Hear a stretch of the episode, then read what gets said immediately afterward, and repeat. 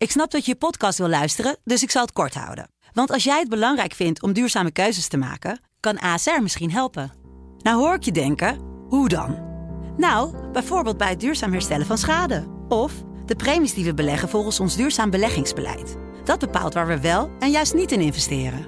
Wil je meer weten over welke duurzame keuzes ASR maakt? Ga dan naar asr.nl slash duurzame keuzes. ASR doet het.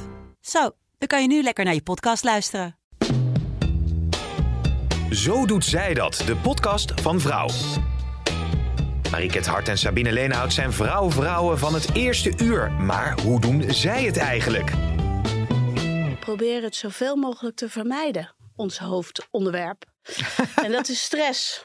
Ja. En de daarbij behorende burn-out klachten of uh, andere ellende. Heb je wel eens last van stress? Nou, natuurlijk ervaar ik ook wel eens stress. Want ik, soms gaan dingen niet helemaal zoals ik uh, wil. Of uh, heb ik een interview gehad en dan dan denk ik, oh jezus, ik ben te veel meegegaan in het gesprek. Heb ik mhm. wel, uh, ben ik wel kritisch genoeg geweest? Wordt het een boemerangstuk? Krijg ik het steeds terug? En dan weet ik dat van tevoren eigenlijk al. Dan denk ik, hmm, hmm, hmm, het voelde gewoon niet uh, goed genoeg. En daar kan ik wel stress van hebben.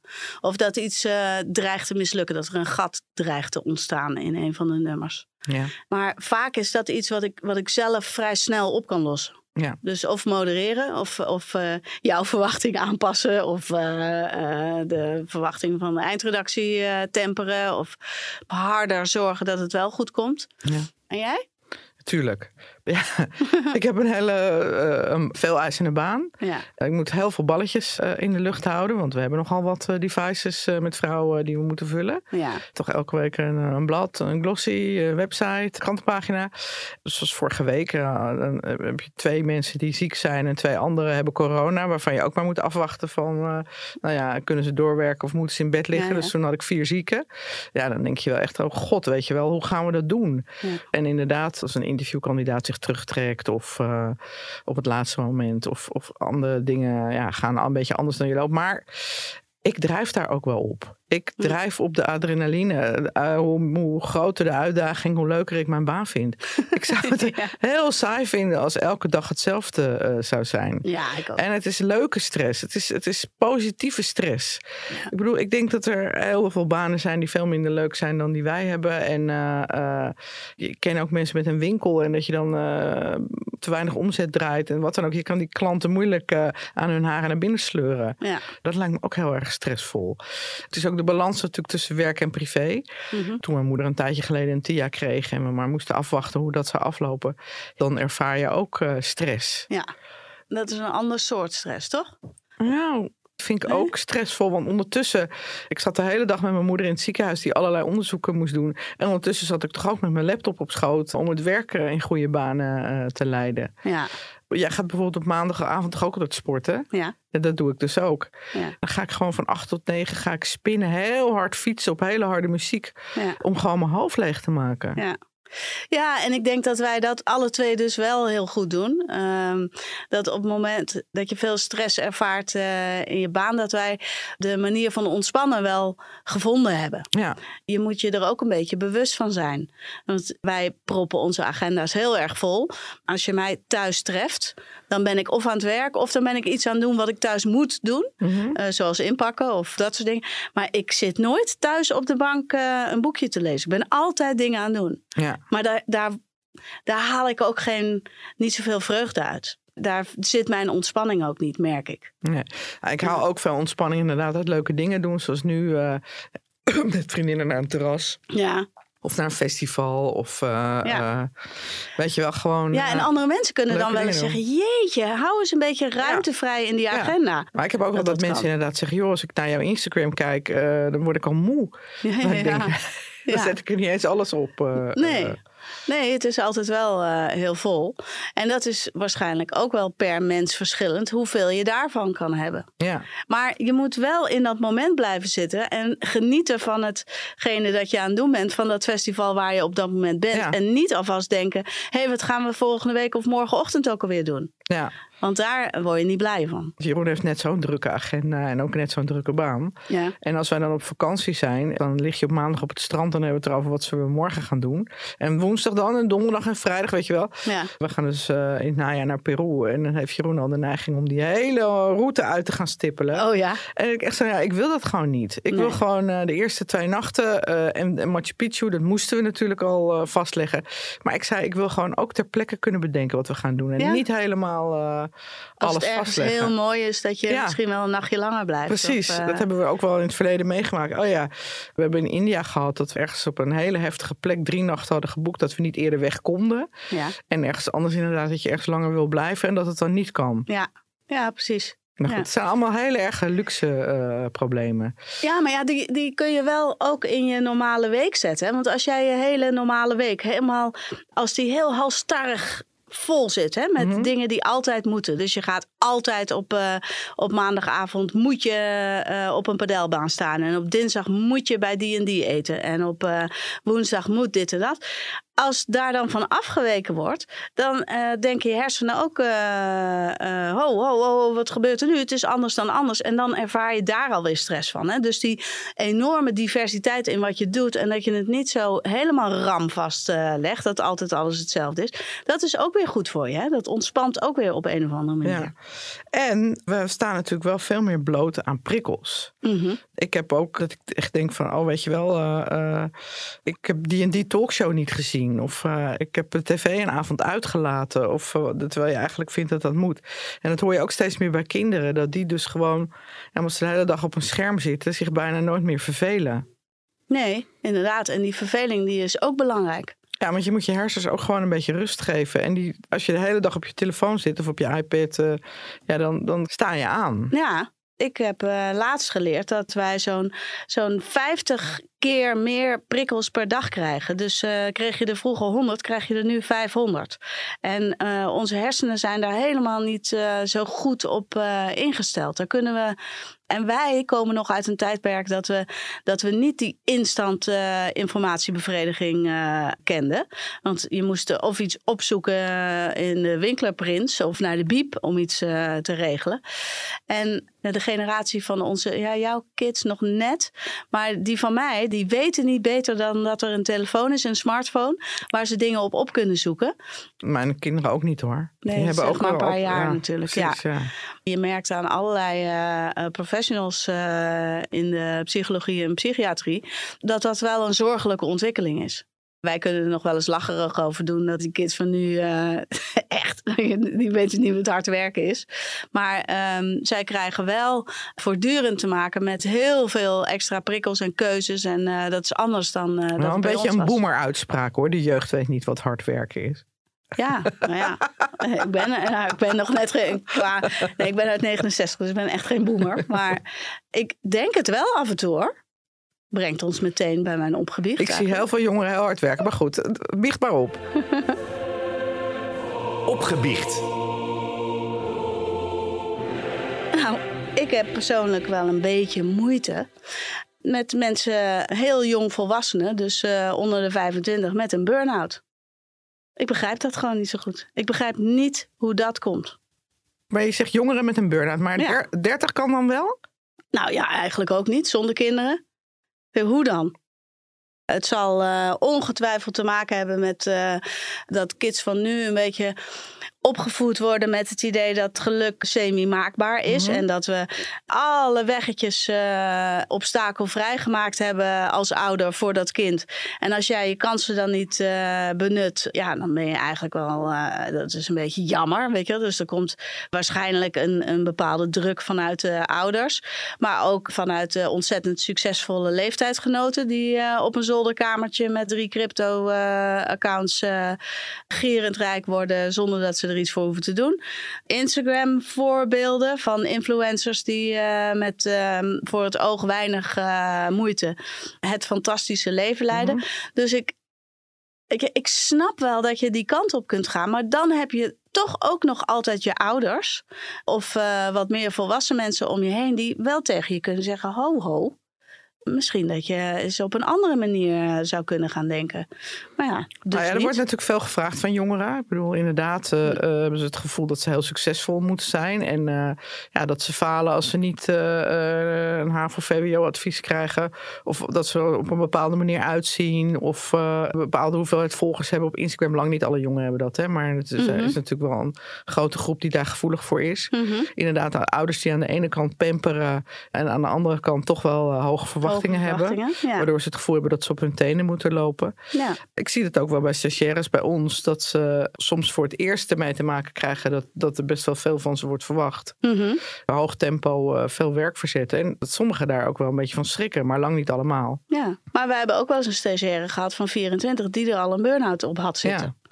Maar ja, je weet niet wat ze had meegemaakt. Misschien wel een afschuwelijke vechtscheiding van de ouders of, eh, of wat dan ook. Maar ja, goed, ja, dat- er een toename is van psychische klachten bij jongeren is natuurlijk heel zorgelijk. Ja, ja is ook zorgelijk. nu we het toch over het onderwerp eh, burn-out hebben. We hebben een gesprek met Masha Mooi. Masha Mooi eh, die eh, belandde in een burn-out na jarenlang als consultant op de Zuidas te hebben gewerkt. En zij heeft nu haar eigen bedrijf Bye Bye Burn-out. Hi Masha met Marieke. En Sabine. Hoi Marike en Sabine. Oh, fijn dat we je mogen bellen. Ja, Eh. Masha, jij hebt eh, een aantal jaar geleden het bedrijf Bye Bye eh, Burnout eh, opgericht. Want je hebt zelf ooit een eh, burn-out eh, gehad. ja, Hoe klopt. oud was je toen? Ik was toen 30 en ik werkte bij Zuidas als consultant. En eh, ja, ik ben daar burn-out geraakt. Ik denk net als heel veel andere mensen inmiddels eh, daar burn-out raken. Wat Ja. gebeurde er? Ja, ik eh, had een, een nieuwe baan, een goede baan eh, als manager. Ehm, en ik zat toen in de personele dienstverlening en eh, op de finance. En ik kon eigenlijk eh, niet meer het overzicht bewaren. Hoofdzaken, bijzaken onderscheiden. En ik moest een mailtje typen. En ik zat echt naar mijn computer te kijken. En ik denk, ja, ik weet totaal niet meer wat ik hier nu moet doen. Een Hmm. complete blackout eigenlijk. Oh, oké. En toen? Ja, eh, nou ja, uiteindelijk toen wel eh, eh, ziek naar huis gegaan. Maar ik had natuurlijk net die nieuwe baan. Dus dat was het einde van mijn eh, carrière al daar bij dat bedrijf. Dus dan komt er ook nog veel eh, eh, ja, onzekerheid op je af. Maar dat was echt het laatste waar ik mee bezig was. Het enige wat ik wou was op dat moment slapen. En, en verder is helemaal niets. Ik weet ook niet meer hoe ik thuisgebracht ben. Hmm. Door wie, door wat. Ik heb gewoon een paar dagen geslapen. En ja, daarna kom je in de malle mode van eh, praktisch. Eh, maar ja, dat ging gewoon helemaal niet. Ja. Ik, En eh, gebeurt er dan, want jij bent toch, jij bent psycholoog, toch? Psy- therapeut ben ik. Oh, therapeut. Kun jij uitleggen wat er dan daadwerkelijk met je hersenen gebeurt? Nou, dat, kan ik wel. Want je kan zeg maar het logisch beredeneren van zaken. En bijvoorbeeld ook van, als je met de auto van A naar B gaat. Dat hele overzicht ben je kwijt. Je lichaam is dusdanig moe. Dat alle energie die, die je nog hebt, en dat is heel weinig, heeft het eigenlijk nodig om überhaupt te functioneren. Dus opstaan, toch proberen aan te kleden. Je weet ook nog wel ergens dat je eten moet regelen voor, eh, voor je gezondheid. Dus dat, dat kun je dan nog wel, met Mhm. moeite. Mhm. Maar meer kun je ook echt niet. Hmm. Het lichaam wil gewoon. Het is zo oververmoeid, fysiek als mentaal, dat eigenlijk is nou ja, gewoon alle energie is uit je lijf. En dus ook uit je, uit je brein. Dat is gewoon aan het overleven. Dat Hmm. staat echt op overleefstand. Ja. En ik leg het even uit in Jippie Janneke taal Mhm. hoor. Dat Mhm. Ja. luistert prettiger. Dat heeft eh, jarenlang overbelasting gehad. En eerst komt de overbelasting eh, toch wel op het fysieke. En op een bepaald moment. En weet je, kan in de ratio kun je nog heel erg lang doorgaan. En dat is ook wat alle mensen doen. Die gaan Mhm. gewoon nog door. Terwijl ze eigenlijk alle signalen missen. En dat is niet bewust van dat ze moe zijn. Dat ze hoofdpijn hebben. Dat ze vaak eh, toch ja, eh, de energie niet kunnen vinden voor een bepaalde taak. En die negeren ze, die signalen. En dat, dat is een opbouw van nou, meerdere jaren. Mhm. Totdat op een gegeven moment het lichaam zegt, en nou stopt het. Maar dan voor degene die de burn-out krijgt, die, die, die voelt het als het overkwam me ineens. Ineens kon ik niks meer. Terwijl dat is een opbouw van vele, vele jaren. ja. De mensen in, in de omgeving van degene die de burn-out krijgt, die zagen het al van mijlenver Vaker aankomen. wel. Ja, vaak zien mensen het wel gebeuren. Van, goh, moet je niet eens rustig aandoen. Mij is het toen ook verteld van, zou je niet eens een keer naar een psychiater of zo... eh, om, om, om even te praten wat je, wat je dan hebt. Mhm. En dan was mijn reactie gewoon van, nee, je moet zelf naar een psychiater. Je bent gek dat je dit me adviseert. Oké, Totale ontkenning. ja. Hey, en het eh, aantal eh, burn-outs eh, neemt toe, eh, eh, las ik. In 2020 eh, al 1,2 miljoen mensen in eh, Nederland. Hoe Ja. denk je dat dat komt? Ik denk dat het eh, deels komt dat de term nu gebruikelijker is. Ehm, ik zie ene kant is het goed hè, dat er meer bekendheid is rondom burn-out. Anderzijds is het wel heel snel dat mensen zeggen: Ik heb een burn-out. Mhm. Of dat, dat ze zeggen: van, ja, Je zou wel een burn-out kunnen hebben. Er zit echt nog wel een verschil tussen overspannenheid, burn-out, depressie en, en gewone stress. Dat zijn echt wel vier verschillende dingen. Ondanks dat ze heel veel overlap hebben van eh, symptomen. Ik denk dat er niet kundig genoeg omgegaan wordt met de diagnosestelling. Dat wordt gewoon te snel eh, aangegeven. Nou, je hebt een burn-out. Dan denk ik ook nog dat mensen te lang in een burn-out blijven zitten omdat er geen goede kundige hulp is. En nou ja, wat ik zeg, meer bekendheid over, de, over het ziektebeeld, over, over, de, eh, over het fenomeen burn-out. Dus mensen zijn ook waakzamer om het eh, ja, toch te zeggen van "Ah, ik denk dat ik een burn-out heb, ik voel dit, ik voel dat. Waar je vroeger gewoon even over vermoeid was, ben je nu toch al wel snel burn-out. Hmm. En veranderende tijd. Hè? Mensen zijn veel meer op schermpjes, eh, alles willen meemaken. je, je moet naar yoga, je moet in de sociale kring zitten, je moet een leuke relatie hebben. Misschien wil je kinderen, een koophuis, een di- dikke auto, drie keer per jaar vakantie. Men geeft zichzelf ook geen rust meer. Hmm. De prestatiedrang is enorm. En dat, dat zie ik bij de, mijn generatie. Ik ben eh 40-plusser, maar en ook de generatie eronder. Die, vooral die millennials, daar zie je het heel erg bij. Maar de generatie weer na de millennials, die zijn weer heel erg bewust van hun energie en hun levensdoelen. En die hebben dus wel goed gezien. Al die millennials raken burn-out, dat willen wij niet. Die generatie, die, die denkt dat die het, eh, ja, het keerpunt gaat zijn. Want kun je een burn-out voorkomen, denk je? Zeker. Ja, eh, luisteren naar de signalen eh, die je lichaam je aangeeft. Doe werk wat je leuk vindt. Want daar staat en valt ook heel veel mee. Want je bent toch heel veel tijd van je week kwijt aan je werk. En als je het niet leuk vindt, of je doet het omdat de familie dat van je verwacht. Hè, dat zie je heel vaak in de advocatuur, zie je heel veel opvolgers. En de medische circuit ook, hè, dat mensen elkaar gaan opvolgen. En als jij dat niet leuk vindt, ja, stap daaruit. Doe iets wat je wel leuk vindt. Een eh, goede vriend van mij, die was, eh, eh, ja, deed international business en was ook op het consulaat. En die werkt nu als docent basisonderwijs eh, met kleine kinderen. Hij zegt, ja, dat vind ik leuk. Ik verdien een fractie van wat ik deed, maar dat vind ik wel leuk. Ja. En dan moet je wel sterkere schoenen hebben die de, tegen de familie opbokst. Want dat gebeurt gewoon. Maar ja, dus dat. doe werk wat je leuk vindt. Kijk heel goed wat geeft me energie en wat niet. Als er mensen in jouw omgeving zijn die jouw energie kosten, ja, het spijt me. Maar daar wil je niet mee omgaan. Nee. En, Hey, en ehm, even advocaat van de duivel. Hè? Nu eh, woon je Ja. niet in de Randstad, eh, maar ergens in Drenthe. En eh, je ouders hebben een boerenbedrijf. En er wordt van jou verwacht dat jij daarin in meegaat. Er moet gewoon geld op de plank. Dan heb je niet zoveel te willen. Nee, nee, dat is dus ook een enorm die, groot dilemma. Ja, dat is inderdaad heel verdrietig. Ja, en dan moet je toch kijken, van, ja, wat, wat kan er? Kijk, je kan niet verwachten van nou, dan ga je de, de, de boerderij maar verkopen. Nee. Eh, maar denk maar je dat er ook een mogelijkheid is om er niet zoveel gewicht aan te hangen? Dat je, nou, dat je, eh, je moet inderdaad eh 40 uur per week ongeveer werken om een Mhm. eh, bepaald inkomen te genereren. Weet je, dat is gewoon wat het is. En, eh, En niet eh, al het werk is leuk. Dat zat nee. ik net ook te denken. De vuilnis moet ook worden opgehaald. Ja. Ja. Ja. en, maar de burn-outs komen met name voor bij de hoger eh, gescholden. Dus de HBO-level, eh, MBO plus HBO. Mhm. En de vuilnisman heeft dat dus een stuk minder. En dat is niet omdat de vuilnisman niet hard werkt, want sterker nog, die werken snoeihard. En eh, groot respect daar ook voor, voor alle fysieke banen. Dat, dat is dus niet alleen de vuilnisman, maar ook de metselaar. En nou ja, Mhm. eh, die werken snoeihard. Die hebben eerder fysieke schade op hun lijf. Dus doen roofbouw op, op, op hun lijf vanwege het zware werk. In mindere mate mentaal. ja.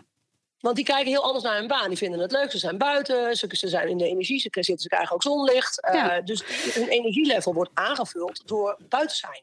En kantoormensen zitten de hele dag onder die, TL-buizen. Mhm. Dus die, hun energie loopt veel sneller leeg. Want ze zijn mentaal bezig. Ze zijn de hele dag ander level zwaar werk aan het doen. En wij zien dat het veel meer kantooromgevingen zijn waar, eh, eh, waar een hoge mate van druk is. Dus ziekenhuizen, scholen, kantoren.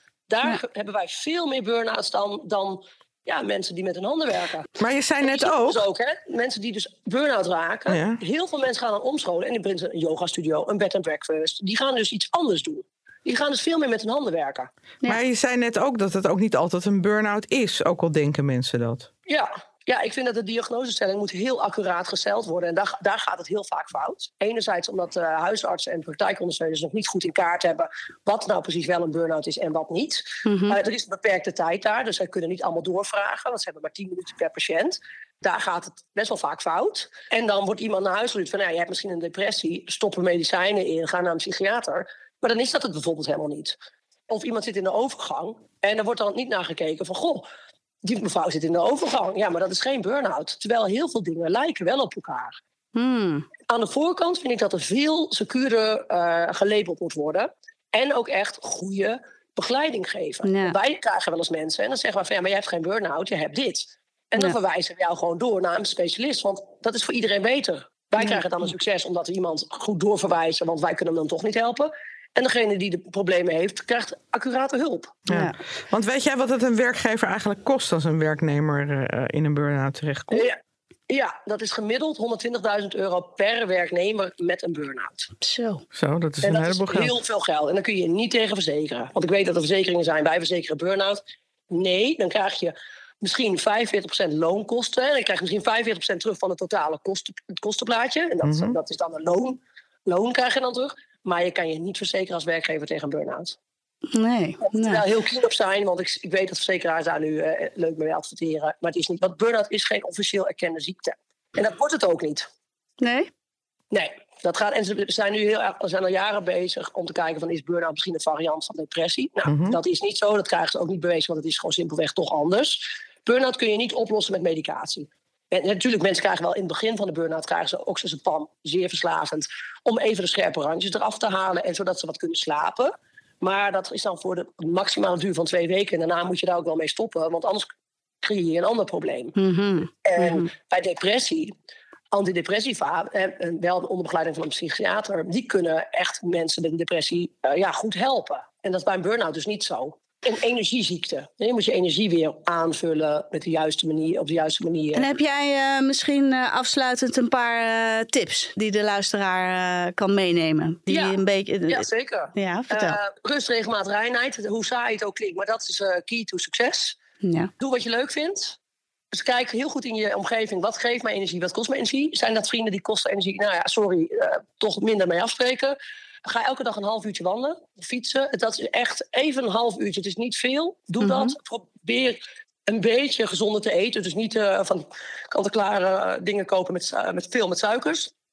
En je mag heus wel een wijntje, maar niet drie flessen per avond. Want ook dat onttrekt je energie. En het is eigenlijk heel simpel. Gewoon, ja, eh, luister naar je lichaam. Als je veel hoofdpijn hebt, dan is dat een signaal. Ben je vaak moe? Dat is een signaal.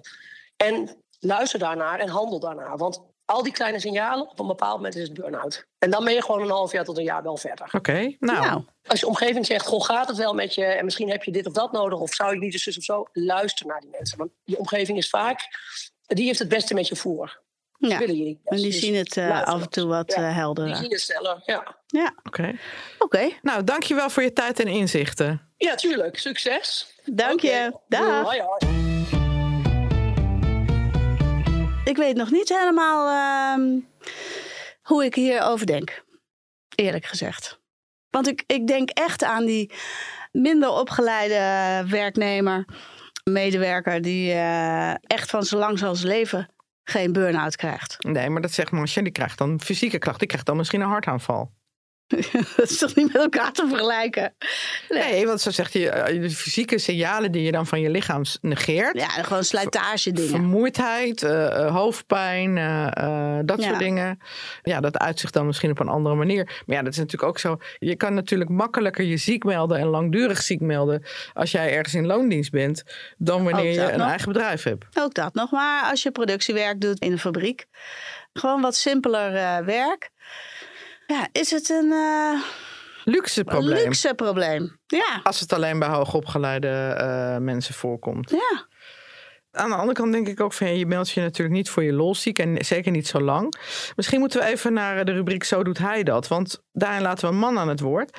En we hebben deze week een audiobericht ontvangen van Patrick Kikke. En Patrick Kikke is eh, bekend als radio-dj bij 3FM en Radio Veronica. Ja. En eh, hij heeft twee keer een burn-out eh, eh, gehad. En daarna heeft hij zijn leven drastisch omgegooid. Maar volgens mij heeft het hem ook zelfs zijn, zijn baan gekost. Mhm. Dus ik ben eigenlijk heel benieuwd wat hij er dan over te vertellen heeft. Zo doet hij dat. Goed dat jullie het over burn-out hebben. Ik heb er zelf twee achter de rug. Maar daar ben ik eigenlijk niet zo rouwig om. Het eh, was twee keer een soort wake-up call van het bestaan. Van jongen, ga de dingen nou eens op een andere manier aanpakken. Je jaagt iets na waarin geluk niet te vinden is. Ik kan ook wel zeggen dat mijn burn-outs mede veroorzaakt zijn door spiritualiteit. daarin komt alles toch een beetje in, in een stroomversnelling. met name de man Eckhart Tolle van het boek De kracht van het nu is ja, eigenlijk wel een beetje de medeschuldige van mijn burn-outs. Maar ik ben hem er nog steeds dankbaar voor. Ik heb hem later ook mogen interviewen. Ja, hoe komt dat nou? Waarom zie ik burn-out als iets wat bijna een geschenk van het bestaan genoemd kan worden? Nou, omdat het niet voor niks gebeurt. Je bent je aan het identificeren met iets uh, waar geluk dus echt niet uit te halen valt. Denk aan status, denk aan aandacht, aan geld, aan bezit. Dat is allemaal maar heel erg vluchtig, zoals je waarschijnlijk zelf ook al weet. En uh, het kan ook van je afgepakt worden. Het wordt minder waard. Het kan stuk gaan. Uh, je moet er een verzekering voor afsluiten. Je kan in een nog groter huis gaan wonen. En dan heb je nog meer te doen, want dan moet de tuin nog meer onderhouden worden. En je moet nog meer mensen laten komen om de boel te laten schilderen. Ik ben er wel achter gekomen dat geluk is wat je bent in essentie. En dat je eigenlijk alleen de dingen die jou ongelukkig maken moet zien uit je leven te bannen. Net als de wolken voor de zon. De zon schijnt altijd. Nou, laten we even voor de gemakshalve ervan uitgaan dat jij de zon bent, die de hele dag geluk in zich heeft dan gaat het er vooral om om te kijken van wat maakt jou ongelukkig. En zo'n burn-out is eigenlijk een enorme openbaring van allerlei dingen die jou ongelukkig maken. En daar dan uh, eerlijk naar durven kijken. Het is niet makkelijk, maar uh, tot slot wil ik nog even de omschrijving geven die ze vaak in spiritualiteit uh, noemen voor een burn-out. Je hebt een rups die een vlinder wordt, maar de tussenfase is een soort ondefinieerbare soep waarin de rups zelf ook niet weet dat hij vlinder gaat worden, maar er wel op vertrouwt dat het nodig is. nou, hij beantwoordt wel wat vragen. Nou, vertel. Nou, dat je inderdaad de dingen die jou heel ongelukkig maken, dat je die uit je leven moet gaan bannen. En dat je daar dus je beter door gaat voelen. En dat het dus inderdaad een luxe probleem is. Want je, je hebt namelijk de tijd om je enorm zelf te gaan uh, ontplooien. En uh, uh, je bent Weet je, wij hebben, zeker in onze maatschappij, weet je, we hoeven nergens meer bang voor te zijn. Niks vreet ons op. Als je gewoon maar een beetje door blijft werken en stel dat het werken ook niet meer lukt, dan is er altijd wel een verzekering die ervoor zorgt dat je nog wat geld uh, houdt. Je komt hier niet zo snel op straat te staan. Er is veel meer ruimte om je ook deze richting op te begeven. En als die ruimte er niet is, dan ga je dat pad ook helemaal niet in. Ik heb het er ook wel eens met een vriendin over gehad, die een beetje die kant op ging. Dat ik ook tegen haar zei: Je moet misschien eens, eens, wat minder nadenken. Ja, die hele zelfontwikkeling die, die fijn is. Hè? Begrijp me niet verkeerd. Ik, ik, ik heb net uh, De wijsheid van de heks gelezen van uh, Suzanne Smit en haar ook geïnterviewd. Ik hou ook echt wel van dat soort ontwikkeling. Dat je daar een beetje bewust van wordt. Dat je uh, je autonomie, dat dat belangrijk is. En dat stukje zelfontplooiing, dat dat belangrijk is. Laten we dat voorop stellen. Maar als ik nou heel erg na ga denken hoe belangrijk mijn werk is. Is het zo super belangrijk dat de lezeres uh, uh, mijn blad krijgt? Is dat levensveranderend voor die? Uh, nee. Nee, wij nee. behoren ook tot de categorie met de bullshitbanen, zoals dat heet. Ja, hè? gewoon, dat is gewoon Zag je leuk. bij corona van de mensen die thuis konden werken of niet. Dat je echt denkt, oké, okay, de mensen die dat dus inderdaad niet konden. Dat zijn inderdaad de vuilnismannen, de buschauffeurs. Ja. De mensen die voor de klas staan, de mensen die in de zorg werken. Ja, waardoor de dingen in de soep draaien als ja. zij stoppen met als werken. Zij stoppen met werken. Ja, als ik stop bedoel... met werken, dan zijn er wat randdingen die in de soep draaien maar niet levensbedreigende. Nee, dat zou natuurlijk heel erg jammer zijn als vrouw Glossy niet meer bestaat, maar het is niet levensbedreigend. Nee, nee maar daardoor krijg ik nooit een burn-out. Maar dat ja. weet ik niet, hè? want een burn-out en een depressie die liggen soms heel dicht bij elkaar en zijn misschien soms ook wel moeilijk van elkaar te onderscheiden. Ja. Want je hebt natuurlijk allebei last van uh, uh, somber, lusteloos, moe schuldgevoelens, nergens zin in. Het enige verschil is dat een, uh, een burn-out ontstaat als gevolg van langdurige overbelasting. Mm -hmm. En depressie kan ook ontstaan zonder overbelasting. Mm -hmm. Maar het heeft natuurlijk wel veel overlap met elkaar. Ja, ja. Ja, ik merkte bijvoorbeeld, ik had vorig jaar uh, had ik een half jaar achter elkaar geen vakantie uh, opgenomen. Ja, want het was corona en ik kon toch nergens heen. Mm -hmm. En dat ik op een gegeven moment dacht van ik moet nu gewoon een paar dagen vrij nemen. Want uh, ik moet gewoon even bijtanken. bijtanken. Nou ja, ja, dan merk je ook gewoon na drie dagen voel je je al als herboren. Ja. Dus je moet wat dat betreft ook natuurlijk wel goed naar de signalen van je lichaam luisteren. Ja, ja. ja. Hey, en hebben we nog een taboe? Mm. Het zo doet zij dat. Taboe. Aan de andere kant denk ik ook dat vrouwen elkaar ook wel kunnen aanpraten dat het niet goed voor je is om heel hard te werken. En dat vind ik dan typisch iets heel Nederlands. Hè? Ja. Ook omdat heel veel vrouwen vinden dat ze het allemaal zelf moeten doen. Mhm. Het hebben van een werkster is bijvoorbeeld eh, ook wel een beetje een taboe. En eh, nou ja, iemand die de tuin doet eh, is al helemaal heel erg decadent. Ik had zelfs met iemand dat ik zei, nou ik breng mijn auto naar de autowasseretten. Oh, dat doe ik altijd zelf. Mhm. Ja. Ik denk ook wel dat wij Nederlandse vrouwen heel erg veel hooi op onze vork nemen. Bijvoorbeeld op school kan je eigenlijk niet meer met een gewone tractatie aankomen, maar moet je iets heel moois maken. Je kan niet meer gewoon een kinderfeestje geven, maar het moet allemaal heel erg eh, eh, de moeite waard zijn. Inderdaad, we, we moeten heel veel van onszelf, we moeten ons huis de spik en span eh, laten uitzien. We moeten echt, ja, we moeten heel erg veel van onszelf. Mhm. En we praten elkaar ook aan dat we dat ook allemaal zelf moeten doen. En aan de andere kant is meer dan drie dagen per week buitenshuis werken. Dat vinden veel vrouwen ook nog gek. We spraken gisteren met collega Carlijn. Ze heeft net een baby. Ja. En eh, zij en haar man werken allebei vier dagen. En eh, heel veel mensen vinden dat veel, dat zij vier dagen werkt. Van oh, oh, oh, vier dagen. En wanneer zie je je kind dan? En eh, nou, poe, poe, poe. Gut, gut, gut. En haar man werkte ook vier dagen. Nou, dat vonden zijn ouders dan... nou, hadden ze heel veel moeite mee dat hij een dag minder ging werken. En eigenlijk verwacht iedereen dat... is het veel normaler als hij vijf dagen werkt, zij werkt drie dagen. En als je daar dan van afwijkt, ja, dan wordt daar eh, snel wat van gezegd. Terwijl ik zelf, ik werk dus liever fulltime of meer dan fulltime en eh, laat een deel van het huishouden aan iemand anders over, omdat ik er zelf een ontzettende hekel aan heb, Ja. dan dat ik minder ga werken en het zelf ga doen. ja, precies. Ik denk gewoon eh, dat je je misschien ook wel wat minder moet aantrekken van wat andere mensen zeggen. Dat denk ik ook. Nou, ik eh, vond het eh, weer een interessant onderwerp. Het, het zet mij wel aan tot zelf weer meer nadenken. Nou, dat is altijd goed. Ja, En dan gaan we nu eh, koffie halen. ja lekker. Dank voor het luisteren en tot de volgende keer.